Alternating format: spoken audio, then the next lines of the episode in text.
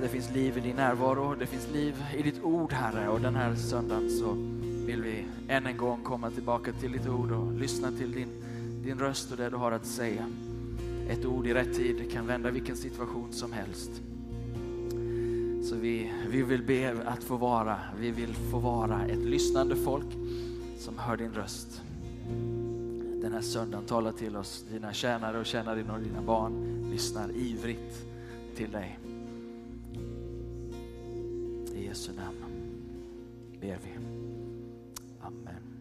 Innan du, innan du sätter dig ner, kan vi inte omfamna någon, klappa om någon och ge ett famntag eller någonting? Och välkomna dem till Citykyrkan.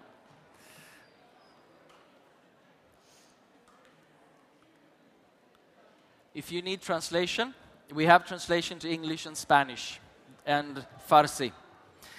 Så vi har översättning till farsi, och spanska och engelska. Så behöver du det så gå ner till infodisken så hjälper de dig. Så att du so you would understand there is interpretation devices in the infodesk. Gott att vara tillbaka hörni. Eh, vi eh, var ju på en tur till Uganda Eh, och eh, fick vara med om något eh, i våra liv, både som församling och personligen något historiskt skulle jag vilja säga. Ehm, att få se de här två första jordbruksskolorna igång, att få möta de första 72, dryga 72 eleverna och, och Eh, uh, se det här sättas igång, hur människor ska få tas ur fattigdom. Att vi kan få vara med och hjälpa familjer att äta, inte bara ett mål om dagen utan flera. Att ta råd med skolavgifter, att ta råd att ta hand om varandra och se Guds rike gå fram. Det är helt fantastiskt. Så, eh, tack för att du har varit med och ge och att vi får stå tillsammans i det här.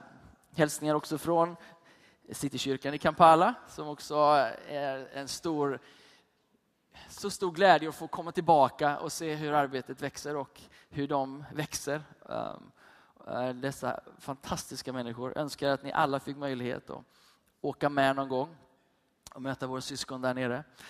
Ehm, och alla de fadderbarn, 170 fadderbarn som vi är med och ger skolgång till. Det, det är så glädjande att se hur de växer och börja liksom lyfta horisonten mot universitet och liksom, de har varit med oss många år, eller hur? Uh, och det är så fantastiskt um, att få vara med på den här resan. Um, ni får, idag ska jag predika om nåd för övrigt. Eh, och ni får ge mig mycket nåd den här söndagen tror jag. Eh, för jag har varit sjuk sedan jag kom hem. Och så blev det värre i natt också. Så legat och hostat hela natten är helt värdelöst. Så därav min röst och mitt lite lilla bleka ansikte. Eh, men mitt hjärta brinner. Eh, mitt hjärta är fyllt av Guds glädje. Ehm, så här är det, vi är på väg in i en ny, en ny serie som vi börjar med idag. Torbjörn kan få lägga upp första bilden här. Jag vet inte om du ser det, om du kan läsa latin. Men eh, förra året så firades eh, reformationen 500 år sedan de 95 teserna spikades upp på kyrkan i Wittenberg. Och mm, de här 500 åren, eller det som skedde då, har ju satt sitt eh, liksom, riktmärke eller har påverkat hela kyrkan sedan dess. Och eh, då har man sammanfattat det som eh, reformationen stod för har man hittat eller tagit fram fem grundpelare i reformationen. Och vi ska under ett antal veckor ta oss igenom de här fem grundpelarna. Ehm, och vi kommer inte göra, vi kommer börja uppifrån, eh, känns naturligt. Eh, därav nåden idag. Nåden alena. Ehm, vi kommer att ge söndagar i lite olika antal till de här Ehm, fem delarna. Då.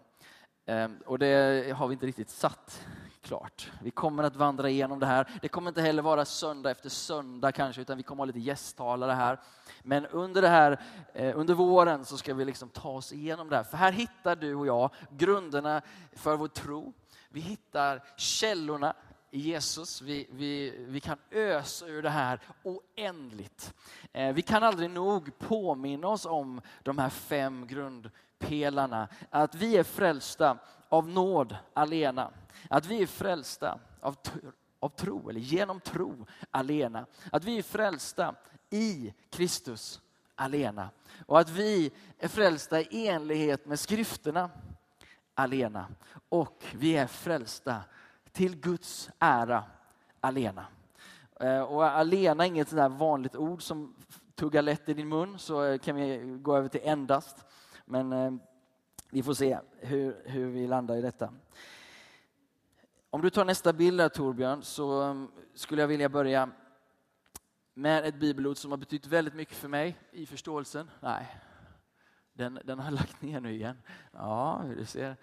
Ehm, då, då har du säkert Bibeln med dig istället. Slå upp första Korinthierbrevet kapitel 15.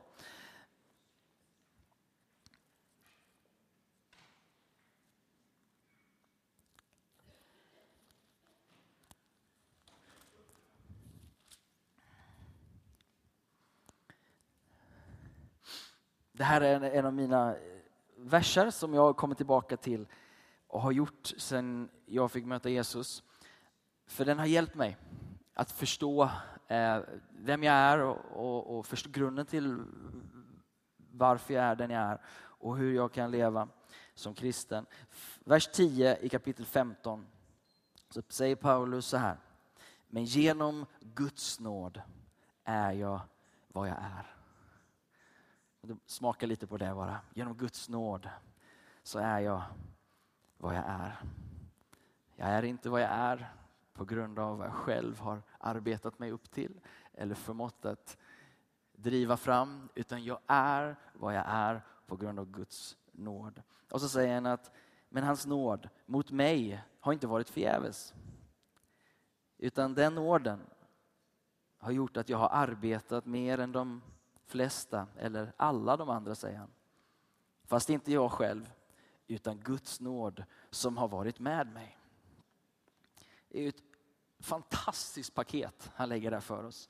Hur Paulus börjar sin förståelse av vem han är, att det är grundat i Guds nåd och att den nåden skjuter in kraft i hans liv på ett sådant sätt att han kan arbeta. Och i hans jämförelse mer än de flesta eller mer än alla andra. Och han arbetar hårt och ivrigt för det som är hans kallelseuppdrag. Men sen när han går och lägger sig på kvällen och har gjort sin dag och lagt det ena till det andra så kan han konstatera att det var ändå inte jag utan det var Guds nåd som var med mig. Det var han som verkade för mig, i mig, oförtjänt så blev jag använd av Guds nåd. Um, och där har du liksom de fem pelarna, då, de här solarna som börjar med nåd, som ger dig tron in i Kristus på skriften alena till Guds ära. Nåden är själva grunden för att vi ska få komma in i det goda flöde som han har för oss. Ehm, jag ska säga det här också, jag repeterar, jag tror jag har sagt det några gånger, men det finns tre saker som är i min värld när jag tittar på den kristna tron jämförelse med andra trosövertygelse eller ismer, ideologier. Det finns tre saker det finns fler saker, men tre primära saker som särskiljer tron baserad på Guds ord, Bibeln. Och det ena är gudsbilden. Om du skulle göra din eh, efterforskning så skulle du märka i andra religioner och övertygelse så skiljer gudsbilden avsevärt jämfört med den gudsbild som vi får grundat på Bibeln. Det andra som är en tydlig divider, en skilje, som skiljer den kristna tron från alla andra ideologier och ismer och religioner, det är människosynen. För vi är skapade till Guds avbild. Ehm, det skiljer avsevärt när du jämför. Det tredje som jag skulle säga är the defining point, liksom det som sätter tron på Jesus på en egen plats. Det är nåd. Det är förståelsen av nåd. Det är nåden som är vattendelaren när det kommer till den tro du har på Jesus. Det är nåden som gör hela skillnaden. För så långt jag förstår det, i alla andra religioner, ideologier och ismer, så är det en klättring vi gör för att någonstans nå fram till Gud eller till upplysning eller till nirvana eller vilket tillstånd du än väljer, vilken religion du än gräver i. Skillnaden, den stora väsentliga skillnaden med kristen tro, att den kristna tron handlar inte om hur vi klättrar upp till Gud, utan hur Gud har stigit ner till oss. Och det är nåd och det är den tro vi har som särskiljer oss från alla andra. Att vi jobbar inte för att behaga Gud genom vår prestation utan han själv har stigit ner till oss och blivit så som en av oss och genom det bjudit in oss i relation. Utan vårt bidrag, utan vårt komplementera, utan våra gärningar. Han gjorde det helt själv för dig. Och du och jag står där som mottagare av den nåden om du vill. Om du vill får du ta emot tidernas största erbjudande. Han har köpt råvarorna, han har ställt sig i köket och hackat grönsakerna. Han har tagit fram det bästa receptet och han står där och med all sin kärlek och omsorg så lagar han en festmåltid till dig. Han kliver i servitörrollen och han dukar upp ett vitt med vit duk och fint bestick och glas och tallrik och så kommer han där och bjuder dig till bords och skjuter in stolen för dig och så börjar han lägga upp denna fantastiska tre Michelin-stämplade maträtt på din tallrik. Guds nåd serverad. Halleluja säger Dennis som är kock. Han gjorde alltihopa och det enda han bjuder dig att göra det är att äta. Varsågod och ät. Och njut och ät lite till och njut lite till. Och det underbara är att när du och jag är som mest tillfredsställda i honom, då blir han också mest förhärligad i oss. Det märkliga är att ju mer vi festar på Herren, ju mer vi festar på alla de utsökta rätter som han har dukat, desto mer förhärligad blir han i ditt liv. Yes. Som West, Westminster uh, katekesen säger, vad står det? Det står the chief end of man. What's the chief end of man? Vad är liksom mänskligheten, människans yttersta mål? Kom igen. Ära Gud och njut av honom för evigt. To glorify God and enjoy him forever. Vi har ett sånt fantastiskt budskap till Stockholm. Det är ett sånt fantastiskt budskap rakt in i ditt liv. Att han har bjudit ut allt detta till oss. Och vi får äta fritt och förintet. Notan är betald. Korset har löst ut allt detta för dig. Nåden alena har gjort detta för dig. Och vi får komma till detta dukade bord dag efter dag. Vi sjöng det här i början, oändlig nåd. Hur fantastiskt är det inte att han väcker dig med den här nåden? Hur underbart är det inte att få vakna på morgonen och ha hostat hela natten och påminna sig om att det är hans nåd är ny den här dagen. Han mättar mitt inre med sitt goda. Men den här kroppen må brytas ner, du må vara sjuk, du må vara i elände. Men mitt inre förnyas varje dag på, han, på grund av hans nåd hans godhet mot mig. Den är inte beroende av mig. Den är inte beroende av min förträfflighet, den är inte beroende av min duktighet. Den är inte beroende av min bibelläsning, den är inte beroende av min fasta, den är inte beroende av min bön. Han är alltigenom god och alltigenom nådefull. Ny varje morgon. Det är det evangelium, det är den tron vi har. Nåden kommer för att forma vår identitet, har jag skrivit här. Det är ju det som händer. Genom Guds nåd är jag vad jag är. Alltså, jag är något han har format, något som jag inte kunde ta mig, förtjäna mig, samla till, utan han gör någonting. Nåden formar min identitet. Ett, ett citat om vi kommer fram ett steg till.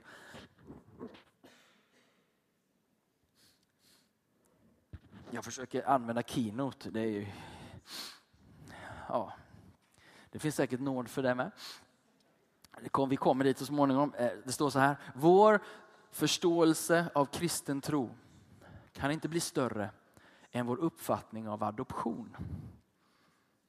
Av alla nådens gåvor så är adoption den högsta.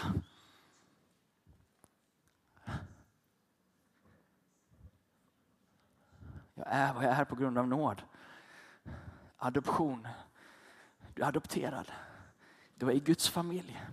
Du är en Guds dotter och en Guds son. I vilket skick du än kom i. Hur många gånger du än har tafflat till det, hur många gånger du än har misslyckats, hur många gånger så nådens gåva till dig är i Kristus Jesus att du är en del av familjen. Du är en del av familjen. Du är en son, du är en dotter och nåden kommer för att göra oss till söner. Där lagen har gjort oss till slavar, där gör nåden oss till söner. Nåden kom för att föra ett folk ut ur Egypten, genom öknen, in i det förlovade landet. Nåden för oss ut ur slaveriet, in i Guds barns härliga frihet. Och lagen frågar, vad har du gjort för att förtjäna det här? Nåden svarar, inget. Jag fick det som gåva. Lagen frågar, bevisa att du är den du säger att du är, så ska jag tro dig. Nåden svarar, jag har inget att bevisa. Jag är den jag är i alla fall. Om det nu är sant att han har gjort dig till en son och en dotter. Lagen säger jag ska hålla koll på dig och se till att du sköter dig. Nåden svarar. Jag står inte längre under någon övervakare. Jag har blivit myndig och jag är själv ansvarig. Galaterbrevet gör det så tydligt för oss. Vi står inte längre under någon övervakare. Lagen eller någon eller det religiösa ligger inte där som, en, som ett vakande töcken för att hålla oss kristna i någon form av moralisk etisk bana. Lagen försökte hålla koll på Jesus. Han fick inte äta när han ville. Han fick inte hela när han ville. Han fick inte umgås med vem han ville. Och han ska definitivt inte tro att han är för mer eller bär någon form av kallelse. Vi känner nog den här Nazaren. Vi vet nog vem han är. Och så kommer lagen och bara låser in och försöker låsa in Jesus. I Galaterbrevet 3 och 23 så står det innan tron kom så hölls vi, höll vi, hölls vi instängda och bevakade av lagen tills tron skulle uppenbaras. Så blev lagen vår övervakare fram till Kristus. För att vi skulle förklaras rättfärdiga av tro. Men när tron väl har kommit står vi inte längre under någon övervakare. Du står inte under någon övervakare. Det är ingen som är där och för bok så att du någonstans kan få en belöning. Vi står inte längre under den inskränkta friheten under lagen. Vi är inte längre under dess övervakande öga. Eh, gå med mig till Lukas evangelium kapitel 10.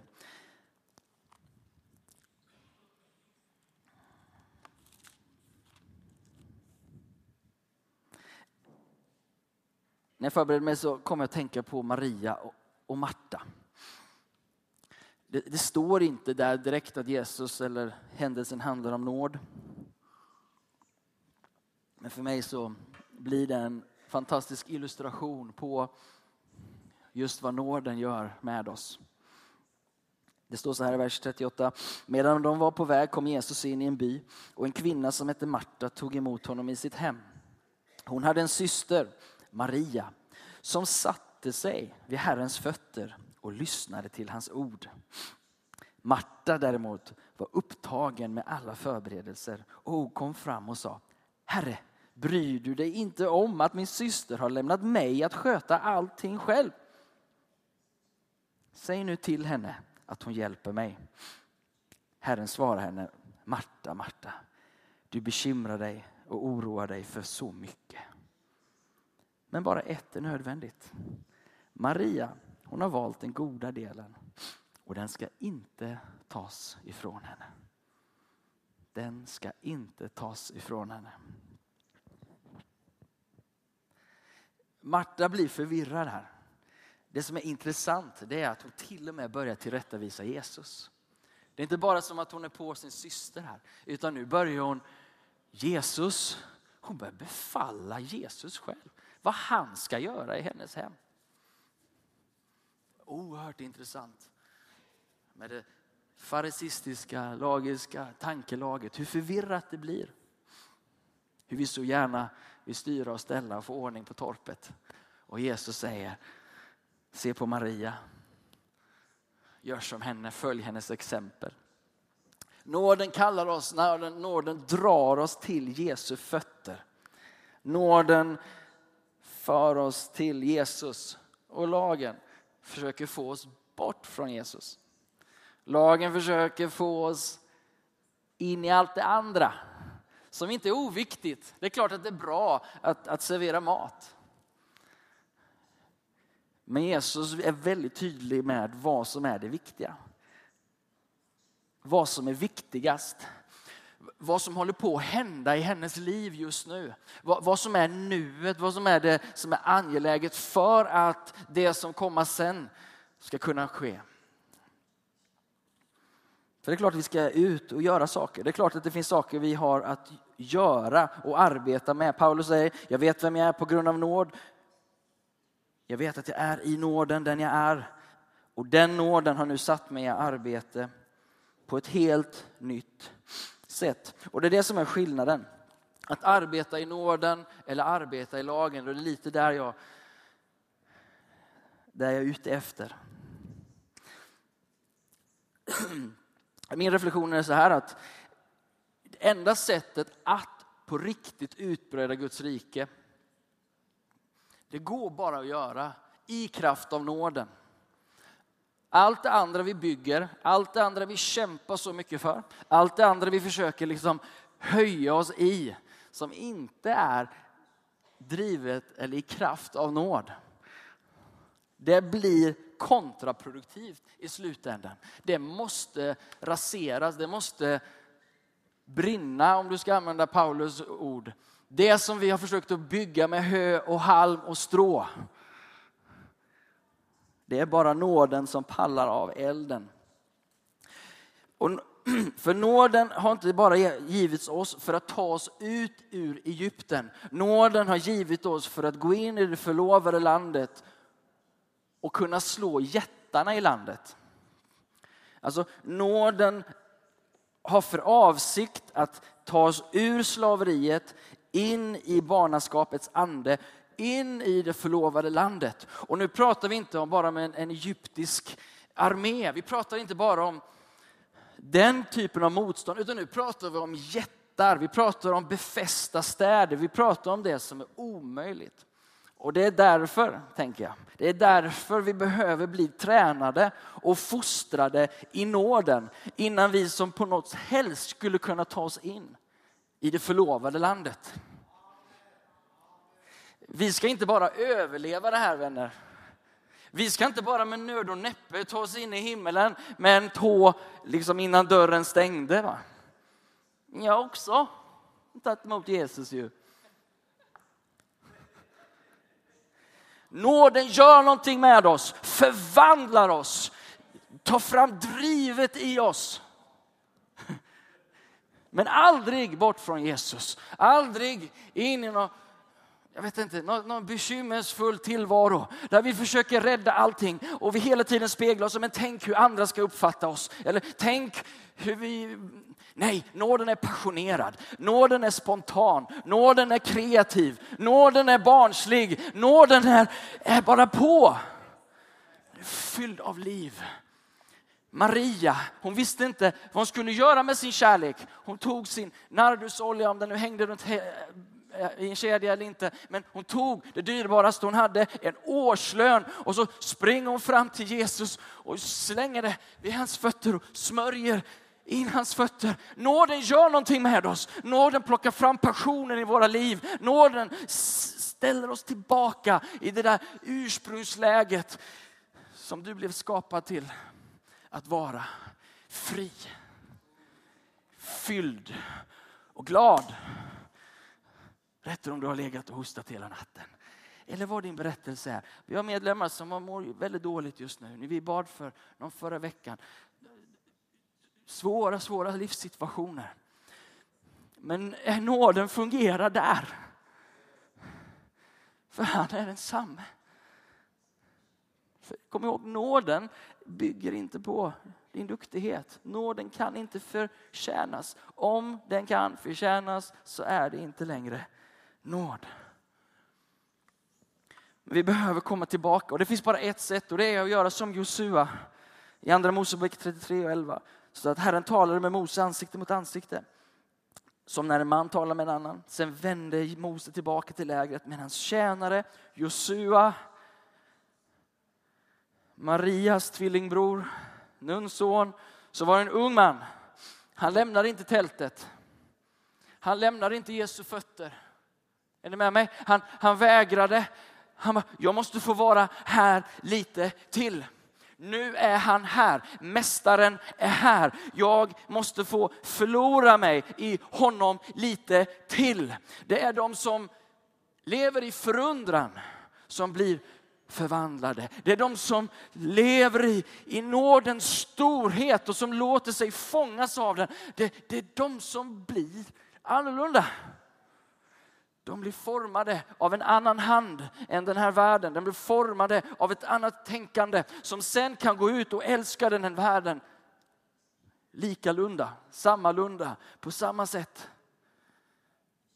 Vi kommer inte kunna besegra den här tidens jättar med lagens kraft. Vi kommer inte kunna gå till den här världen och säga usch och fy och ack och ve. Vi kommer inte kunna säga och peka på allt som den här världen gör fel. Det vet de, eller de kanske borde veta det. Men om du säger det gör ingen skillnad.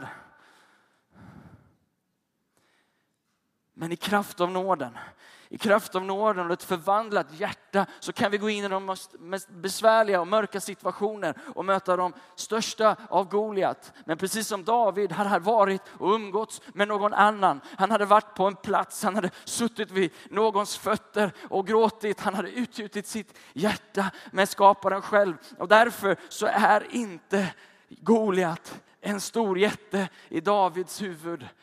Utan endast ett litet bekymmer eller vad ska man säga, en liten sten i skon eller något som behöver bara tas om hand. För nåden, för det första formar vår identitet. Nåden, vad gör nåden mer? Vi ser vad jag skrev här så jag kan säga det igen. Nåden lär oss att arbeta på ett nytt sätt. Det är det vi pratar om just nu. Nåden verkar fram ödmjukheten i våra liv. Nåden för fram en tacksamhet i våra liv. Och nåden gör att vi inser vems kraft vi verkar i. I första Korinthierbrevet 4 och 7. Är ni med mig? Ja, nu börjar jag bli lite trött där, får ni be för mig. Det känner man när man börjar skaka lite, då är det dags att sätta sig snart.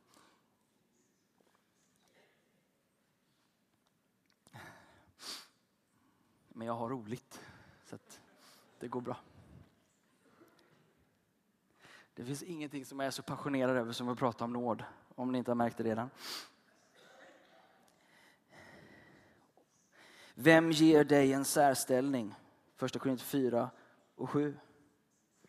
Vad har du som du inte har fått? Och om du har fått det, varför skryter du då som om du inte hade fått det? Vi har vad vi har på grund av nåd. Och den nåden ger oss en annan blick, en annan utblick, ett annat sätt att se på våra medmänniskor. Ett annat, det händer någonting. med värmen i blicken, med den som har blivit förvandlad av hans nåd. Det händer någonting med våra ögon som ser på det brustna och det slagna. Blicken blir varmare, blicken blir hoppfull. För den blicken säger att Guds nåd fungerar även här. För Guds nåd når alla människor överallt. Han är den samma kocken, han har samma stjärnstatus, han har samma Michelin-beteckning. Han, han tar inte hänsyn till att du har finare kläder än den andra. Nåden verkar, någonting händer med oss när vi får bli förvandlade av den här nåden. Nådens största och högsta gåva är adoption. Att få barnaskapets ande. Efesierbrevet 1 och 18.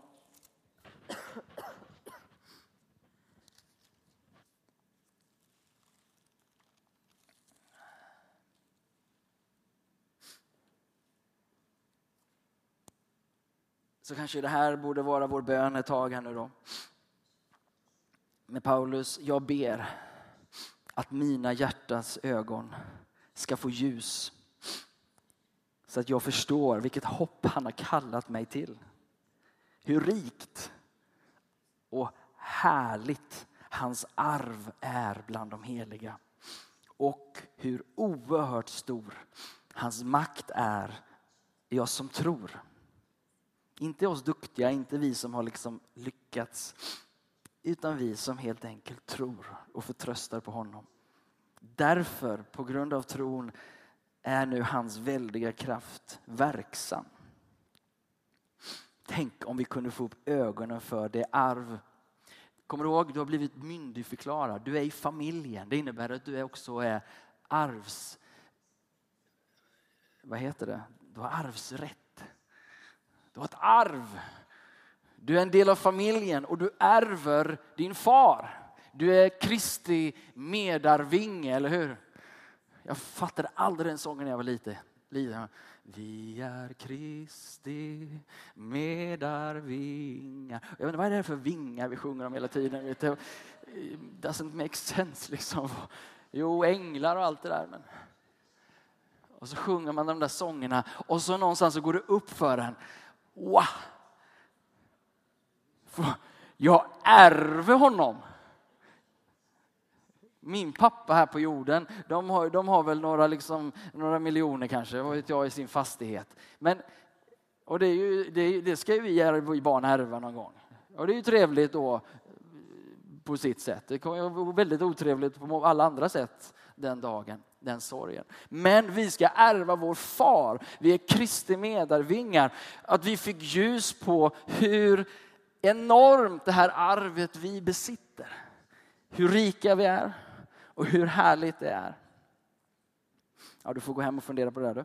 Nåden lyfter fram Jesus och hans verk.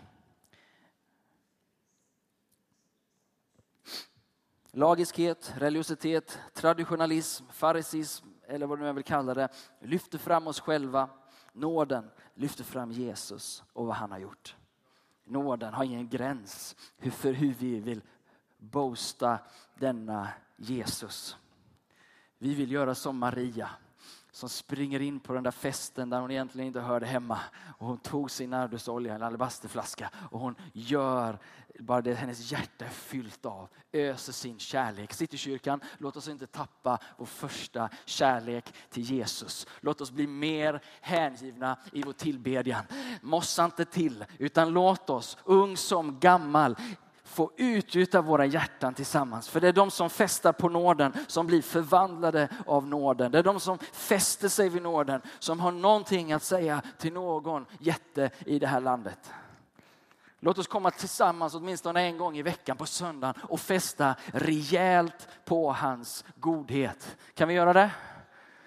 Kan vi göra det till vår livsrytm, att vi möts en dag i veckan åtminstone och festar på hans godhet och bara bekräftar att det är i den nåden vi står, det är i den kraften vi verkar, det är i hans nåd jag lever, rör mig och är till.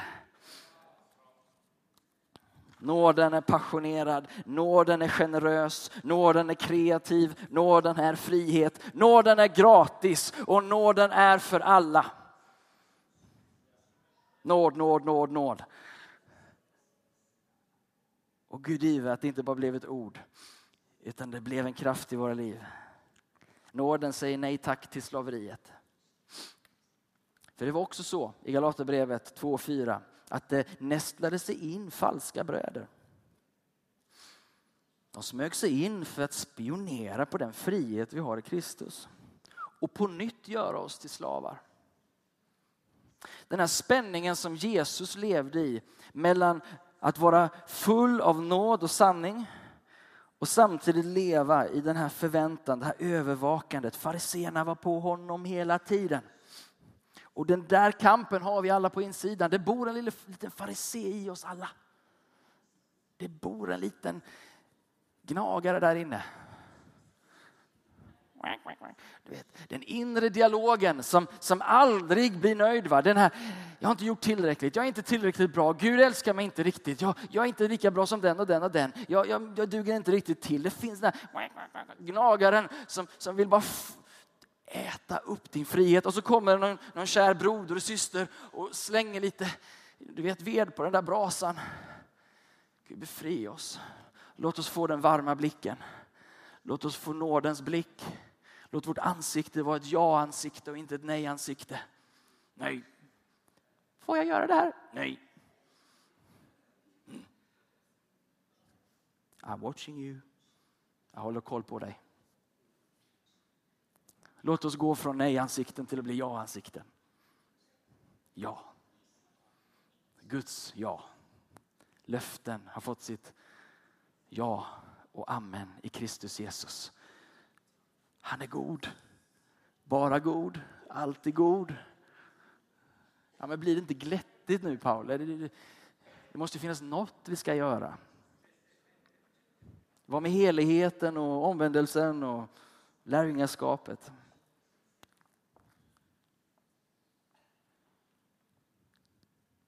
Jag läste ett citat av Martin Lloyd Jones, teolog, Eh, som var pastor i Westminster Chapel innan Artie Kendall.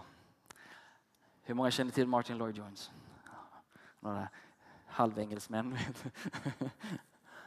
Får du tag på något av honom så är du, är du lycklig. Ehm, jag, jag, jo, jag läser citatet så snurrar jag inte till det. Är det okej? Okay? Och nu är hon mycket. Lovsångare, ni får gärna komma upp så jag slutar prata. Ehm, Jag, jag, jag har det bara på engelska tyvärr. Och det skulle stått på skärmarna om jag var lite mer tekniskt lagd. Alfred får be för mig sen. Martin Lloyd Jones säger så här. There is no better way, there is no better test as to whether a man is really preaching the New Testament gospel of salvation than this that some people might misunderstand it and misinterpret it to mean that it really amounts to this that because you are saved by grace alone, it does not matter at all what you do. You can go on sinning as much as you like because it will redound all the more to the glory of grace. That is a very good test of a gospel preaching. If my preaching and presentation of the gospel of salvation does not expose it to that misunderstanding, then it is not the gospel. Ungefär så här. Om vi inte predikar evangeliet på ett sådant sätt att det faktiskt kan missförstås som en giltig anledning att fortsätta i synd, då menar han, då predikar du inte evangelium. Då står du inte med Paulus. För Paulus blev misunderstood, missförstådd. Man sa om honom att de predikade vad vi skulle kalla en billig nåd. Men han predikade ingen billig nåd. Men han predikade på ett sådant sätt att det gick med att missförstå. Och jag hoppas att jag ger utrymme för missförståelse här idag. Att evangeliet är så fritt och förintet på hans bekostnad. Det är inte billigt, det var dyrköpt. Men för dig kostar det ingenting. mer än att sätta dig och äta den här måltiden. Och ju mer du äter, desto mer förvandlad blir du. Desto annorlunda, desto mer heligt, desto mer Jesuslikt blir ditt liv. När du äter och dricker av det som han har att ge.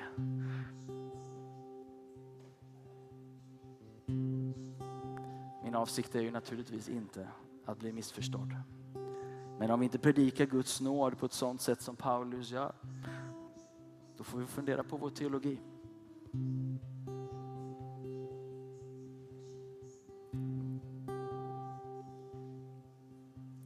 Jag är vad jag är på grund av hans nåd. Den nåden har inte varit förgäves, utan den har fått mig och satt mig i arbete. Så att jag arbetar riktigt hårt. Och när jag sätter mig i slutet av dagen så kan jag med hela mitt hjärta säga, dock inte jag, utan Guds nåd som var med mig. Amen. Fader i himmelen, jag ber att det här budskapet skulle prägla vår kultur. När vi som gemenskap är med varandra, hur vi ser på varandra, hur vi uppmuntrar varandra. Jag ber att den orden som är passionerad, som är generös, som är lekfull, som är spontan, som ger utrymme för kreativitet. Jag ber att den orden skulle fylla mitt hjärta, skulle bli mitt hjärtas tillstånd. Och att den nåden skulle föra mig till Jesu fötter gång på gång. Där jag får gråta ut min tacksamhet. Där jag får gråta ut min fattigdom och mitt sörjande över mitt eget tillstånd och ta emot den nåd som jag behöver. Inte bara för att överleva, men för att ta mig igenom öknen in i det förlo förlovade landet och ta tillbaka och inta allt det som du har givit.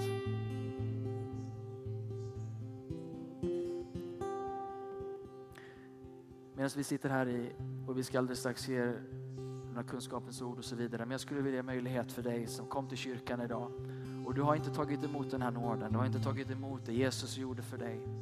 Han gjorde det för hela mänskligheten, men han gjorde det för dig. Och han har dukat ett bord för dig. Att ta emot den nåden, ta emot den förlåtelsen, ta emot den reningen som det handlar om. Den här söndagen så kan du få göra det. Du kan få ta emot Jesus som din Herre och Frälsare och han vill göra dig till ett Guds barn. Om du sitter här idag inte har tagit det beslutet och skulle vilja göra det, kan inte du bara lyfta din hand, ge mig tecken så kan jag få be för dig. Är det någon här som idag säger att jag skulle vilja ta emot den nåden du predikar. Det här låter nästan för bra för att vara sant.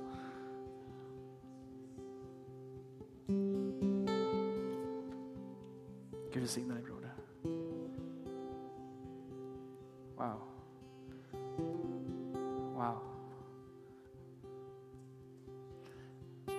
Någon mer här idag som, som säger ja, det där det vill jag ta emot. Jag vill ta emot den nåden.